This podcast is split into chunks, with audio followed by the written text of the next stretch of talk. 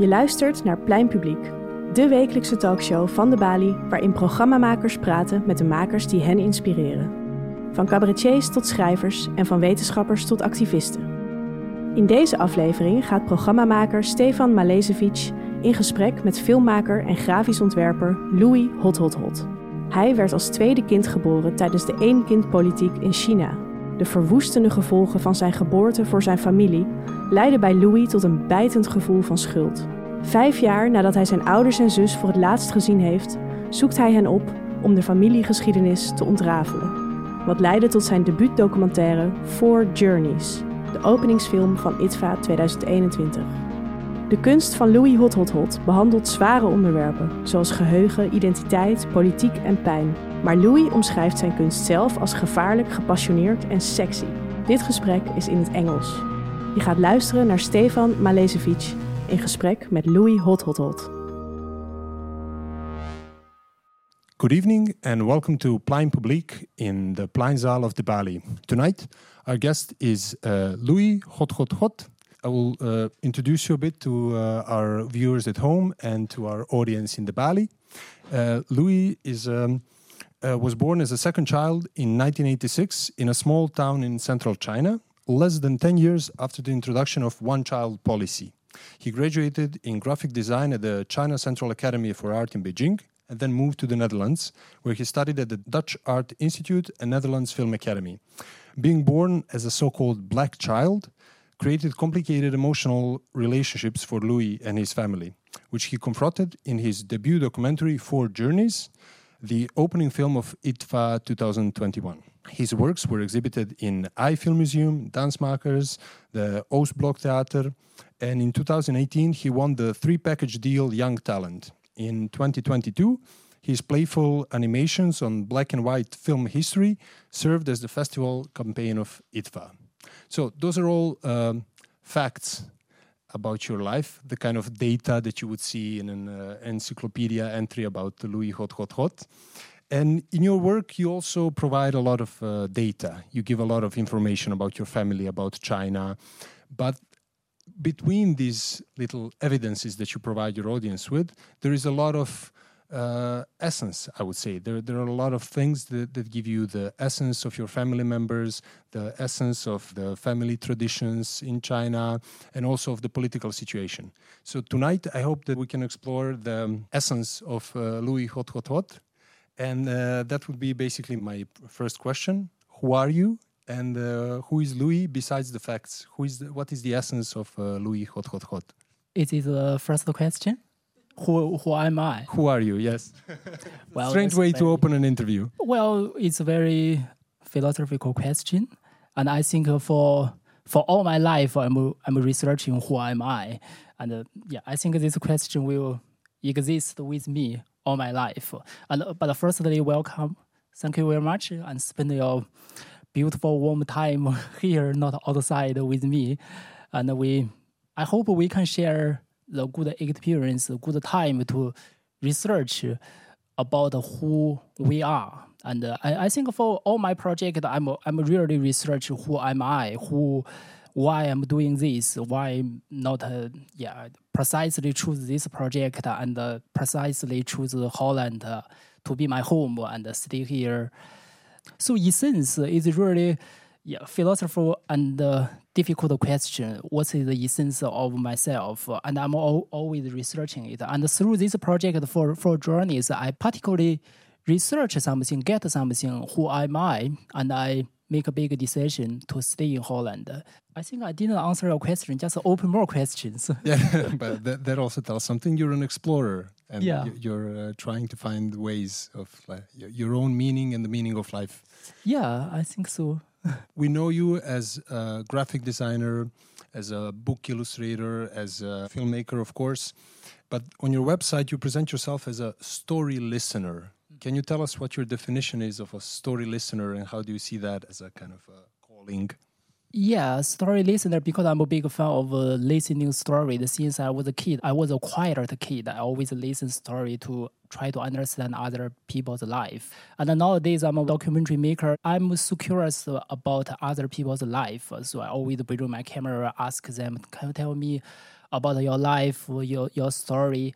And I always think uh, every people nowadays deserve to be filmed and make portrait film because every people, if you give their time and in a short time, they told you the most important thing of their life. That's very just the talking and filming is already an amazing project. I tried this method to different people for just yeah. Finally, I made a short film. Just people in front of the camera talk about their most important thing of their life. Most of them are older than 40 years old, already have some experience.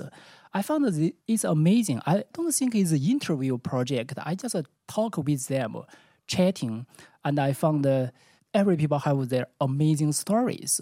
So I'm fantastic about uh, these uh, ideas for my whatever for my own family story. For example, my family, my father, I know him well, but uh, through this project, I realized I didn't know them well, and I go deeper and deeper about my own family, and also go deeper through them. I went deeper to the history and the generation story. So I found the personal story is really attractive to me, and through listen, and I learn about the history, society and so on. Also about yourself, right?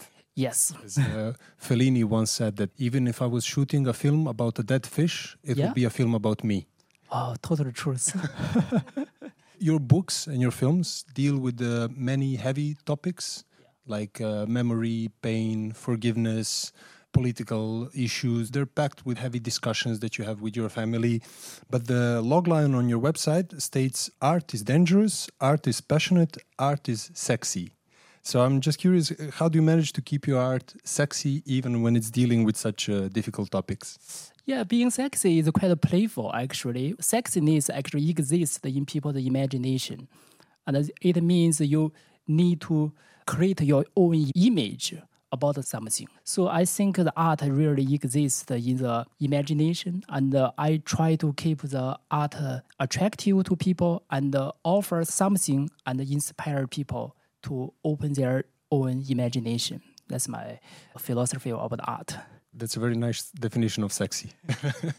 Is that also where your artistic name comes from? Yes, yes. I think hot, hot, hot. Yes. When did I, you start using that? Uh, actually, in the first year I moved to Holland uh, from China. Yeah, first uh, I dislike the weather.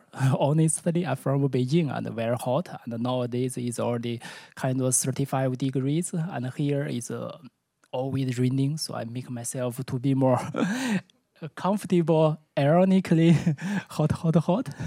to balance out the bad uh, weather yeah. in Netherlands, although it's quite hot, hot, hot in our Pleinzaal at this moment with the yeah. climate change. Thanks. Let's get to your work. So you start shooting. You made one feature-length documentary, Four Journeys, and you started shooting way before you knew what will be the final form of the film, right? Right. And uh, because of this, you record a lot I presume. Yeah. And yeah. how much footage did you say you shot for? Uh, uh in for total, about 500 hours. 500 hours. Yeah, four years of shooting. Yeah. Four years of shooting, and then how much did it take you to edit this much of footage? Uh, actually, a year. I spent a year, totally a year. And do you feel like that you had to kick out something from the film that was very actually good, just because you cannot have a four-hour film? Yeah, basically, I edited my film uh, and with two editors actually very difficult process. Uh, you kind of you kick out some uh, good moment uh, with your family. That's the most emotionally difficulty is the most difficult part for editing the film. Yes, of course, I cut lots of moment. Uh, yeah, I make the painful decision to cut something out. Quite a difficult process. I guess it happens to every filmmaker, but with 500 hours of material, it's more of a challenge. Yeah. Mm. Also, your your way of making the film is a bit unorthodox. Like you created actually these three books that we have on the table came to be before the film. Yeah. So you recorded the interviews, then excerpts from these interviews appear in written form in the books with the photos from the interviews, but then also the book kind of informs the film, like Yeah. what will be the final form of the film. Yeah. And I was thinking that it's kind of like where a fiction filmmaker would make a storyboard to decide on the camera angles and uh, I don't know the wideness of the shot. yeah. Using your books, you navigate through the emotional landscape of your film. So in a way, they, Mm-hmm. they become like emotional storyboards. Is it uh, a nice definition? I'm not sure. It's uh, because when I think about a storyboarder, I think it's a more functional use because it's a tool to service uh, how do you organize things, how to editing. But for me, I, I think the book is uh, themselves could uh, stand alone as an art piece. I'm a graphic designer. I always think graphic design is my mother tongue. I was trained in my bachelor program. I was a graphic designer. Afterward, I worked um four years uh, as a designer in Beijing. The first book is this one, 12 Moment. It made in 2017. So in 2017 is the first time I went back to China after living in Holland for five years. I didn't know I was making film, just bring the camera to catch the materials as much as possible. Three months later, I bring 100 hours footage back to Amsterdam. I, I don't know how to use this 100 hours materials, so I just uh, my mother tongue is graphic design. So use graphic design way is the most comfortable and easy way for me to tell story. So the first book, uh, 12 Moment, uh, I kind of selected uh, 12 scenes. I was just about to say that in your film, it's evident that you're a graphic designer, but in your Yeah. books, it's also evident that you're a filmmaker because you call them scenes as well. Yeah. They're structured like a film, and Yeah. the design and the sentences kind of dictate a rhythm that I would say is inherent to a filmmaker. Like maybe I'm also biased as a filmmaker myself, but I, when I read your books, I already imagine scenes in my head.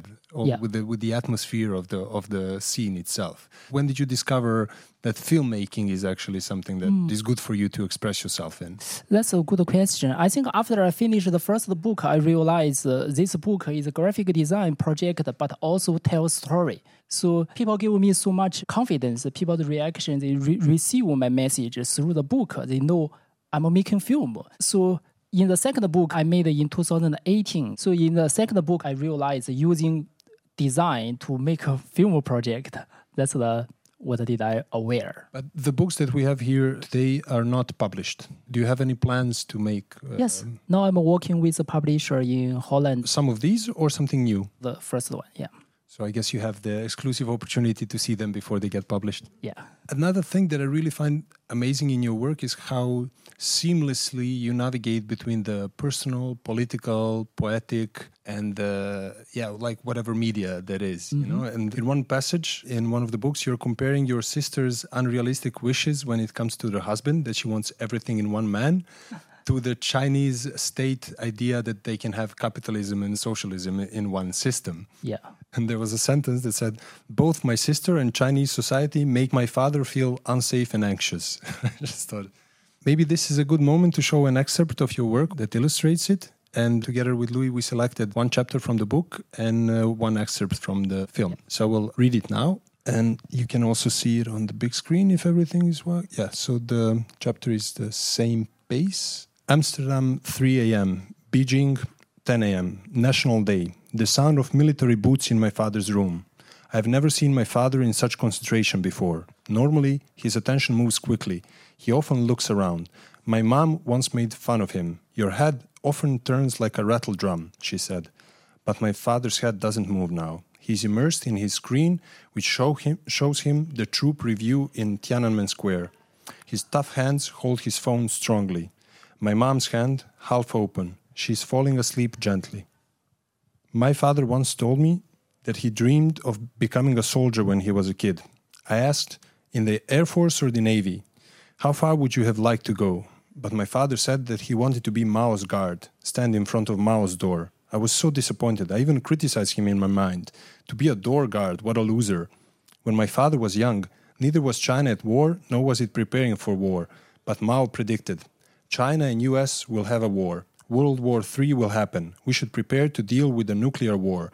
I think this imagination of war must strongly affect how my father understands the world. When I was a kid, my father taught me like this to be brave like a soldier, to have a strong will like a soldier, to listen like a soldier, to be in time like a soldier, to get up early like a soldier, to brush teeth like a soldier, to practice writing like a soldier, to like a soldier. Even nowadays, my father still believes the US is an enemy of China, and it was they who incited the Hong Kong protest for independence. I hear the reporter saying, Go forward, we won't forget our aims. A new age is coming. The dream of a nation is becoming a reality. Oh, my China, you're full of hope. Your stride is strong. The red flag moves with the wind, balloons and white pigeons fly, the formations advance. The celebrations look exactly as they did decades ago. Only the fabric liberation shoes have been replaced by boots. The footsteps, the pace, has never changed. In 70 years, they have never changed. And so the chapter ends here and continues with a chapter in the book about the visit to the Chinese embassy in uh, Rotterdam. And now we will see an excerpt from the film that came from this chapter.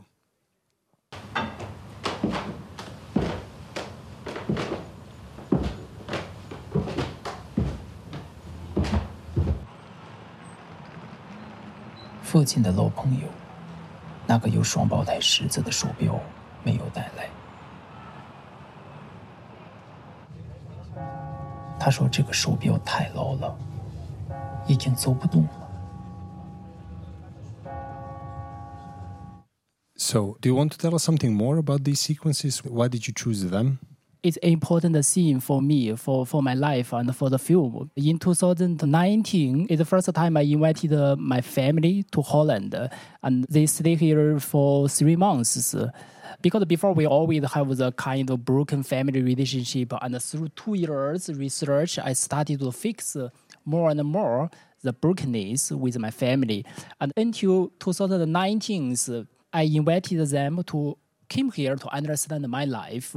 Yeah, this moment I realized the generation gap between me and with my father, the generation, we don't understand each other, have different value. Not only a personal story, a personal issue, but also is a society issue. Actually, I born and grew up in 1980s. It's, this generation have the biggest gap with families because in 80s, 90s, we China experienced the trans, big transition from a socialism country to capitalism country. It's a very big uh, radical change.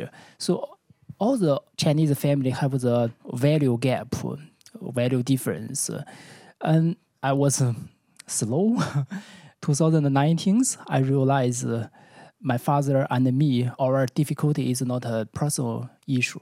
Yeah, I learned a lot in the in 2019 when they visited Holland it's the first time they visiting Europe, get out from from China to receive the new world, different world, and yeah, we, we talk a lot. We, we, we travel, we would share ideas. How do you see the world, Western world, Chinese politics? Yeah. He was a bit shocked that in the West people actually live uh, peaceful lives, not yeah. lives. Yeah, he thinks the Western world is very different, uh, and the Western world is kind of enemy-like.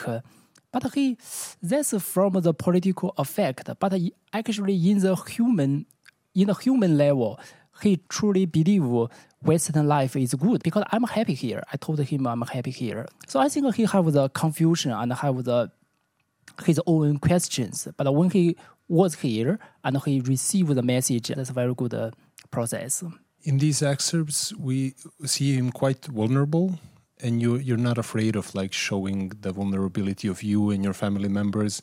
And what i also really appreciated in it is the attention that you give to details the things that you normally don't notice like how somebody moves or what in particular way they're holding their hands or these sort of things. Were you always really tuned in for details or is it something that you discovered as a filmmaker with, with through the camera lens Oh, that's a very interesting question. I think when I made this scene, when I filmed it, I didn't realize uh, his uh, body language is quite interesting. When I make the book, actually, I I started to uh, read the footage and I watched the footage again, and I realized how he moved and to find out the interesting part. I think the camera really give you so much possibility to understand the reality in the reality, uh, yeah, the time passed very quickly. You didn't pay attention, but when you watch the footage, that's the power of the camera. They frozen the time, and you you go back to the time. and learn new things. And not just your camera, but also you use a lot of photographs, right? Like when Yeah. you dig out a family archive and you actually pay attention to the photos, you can discover many things about your ancestors and your family members. Yeah, I, I call this process the reading image. Reading images, is going back, revisiting the past. That's a good process for learning.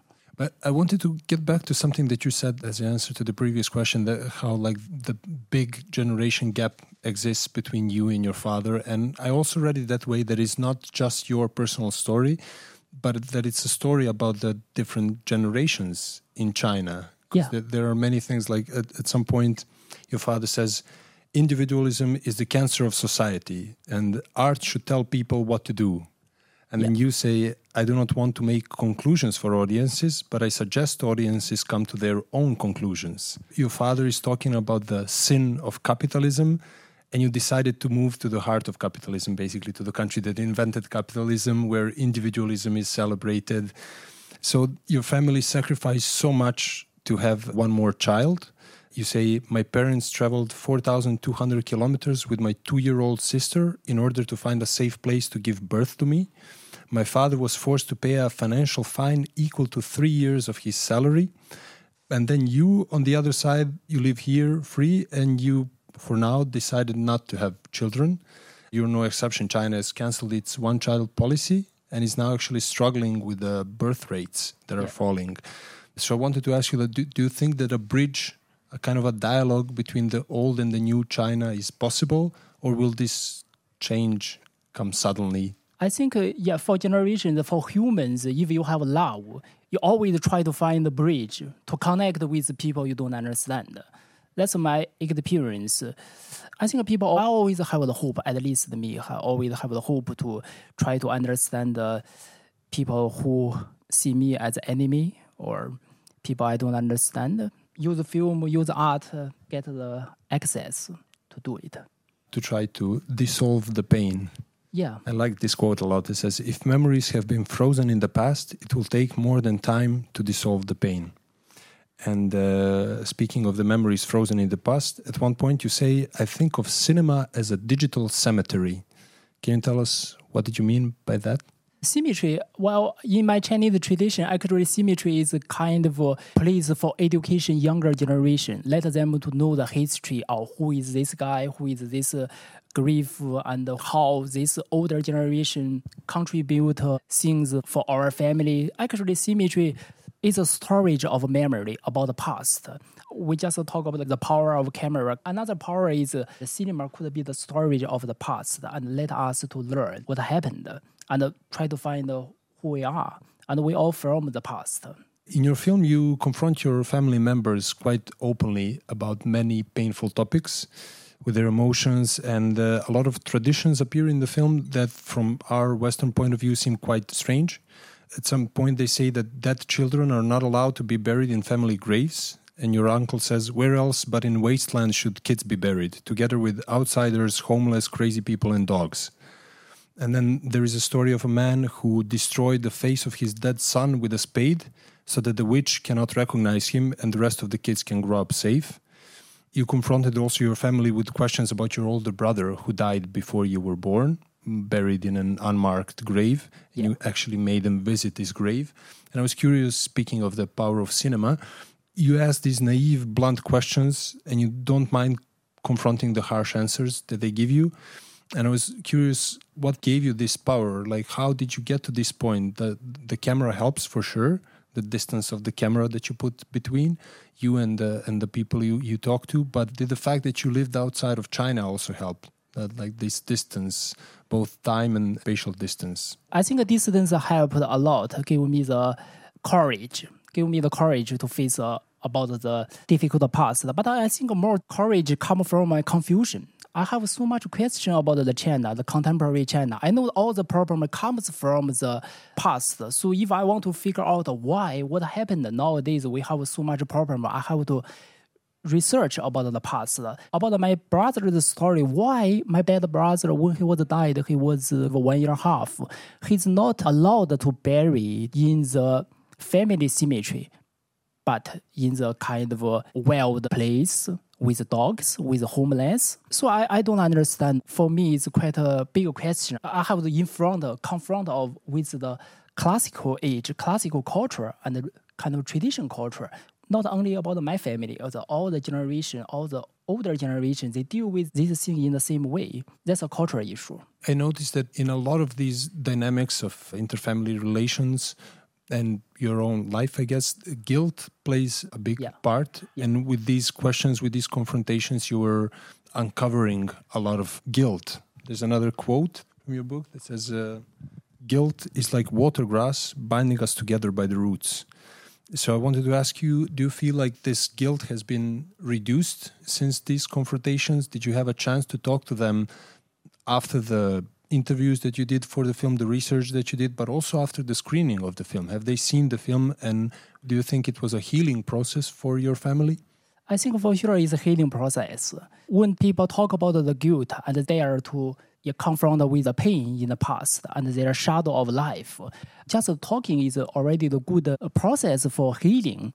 Yeah, every year I stay with my family for three months to talk about the meaningless things for them. It's really, wow, why you ask so much painful question? Is it necessary to know it? It's nothing to do with economic and with your, your, your work. That's Talk my about work the weather.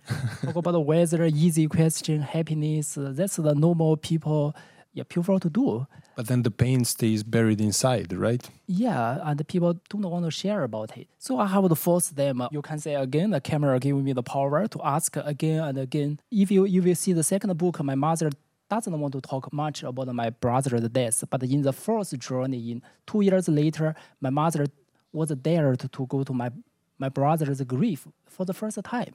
And, uh, you planted uh, uh, flowers on his grave and kind of marked his Yeah. existence. Yeah. Yeah. And that's the big step for my mother. That's a healing. And you feel like now when you talk to them, they've opened up more about their Yeah. emotions? Okay. Yeah. And do you think you could facilitate something like this outside of your family? Like, could, could you imagine yourself doing a similar project with my family or with family from somebody from the audience? Oh, that's a difficult question. I don't know if I can go very deep and intimate with other families. I don't know. But it's possible because you take time, build an intimate relationship. Now I'm working for another project. It's uh, yeah, nothing to do with my family. Another film project. Another film project is an American lady. I stay kind of five years with her, build very good trust, and go deeper and deeper. And now she invited me to go to her family to see more things, to understand her more. I think the process of the filming people is really about uh, understanding people to share time and not only about the knowledge, about the life. Yeah, building relationship, building the connection.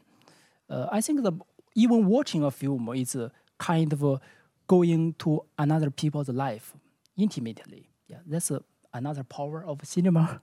For sure. I truly believe that the final stage of uh, making a film actually happens in the cinema, in the Yes. viewer's minds, not in the editing table. No, no, actually the exists with uh, communication with audiences. What I, what I do with your film is actually your film. What it does to me, how, Yes, how it helps me maybe open up in my family and confront my own things or whatever the topic of the film is. Yeah. One of the things that we always ask the guests of the Plein Public is to bring something that they found inspiring in the recent times. It could be an object, it could be anything, and you decided to bring a digital object. Yeah. So uh, let's take a look and then you can tell us what it is. Yeah.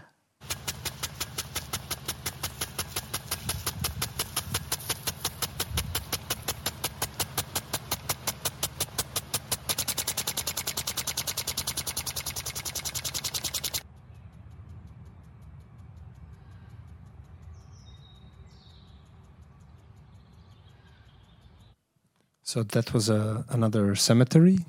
Yeah, another cemetery in Germany, actually. I was there a few days ago and I, I found it's uh, quite interesting the contrast because in the cemetery, very quiet.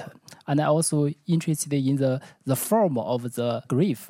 It's very simple. The form of the Yeah. graves. It's very simple. So I just curious about it. They still there for kind of 80 years. The only thing is moving is behind there, there's a water tube. and and the, the grass is growing. Yeah. Do, do you record a lot of things when Yeah. you're moving around? Yeah. And you never know if there will be a film made out No, of it. no, just use my telephone. Yeah, capture the catch something interesting for, to me. Yeah. Do you go uh, back to China more in the recent times? Uh, yeah. Now my work is uh, every year I go back to China to film something, and uh, yeah, basically I digest my footage in Holland.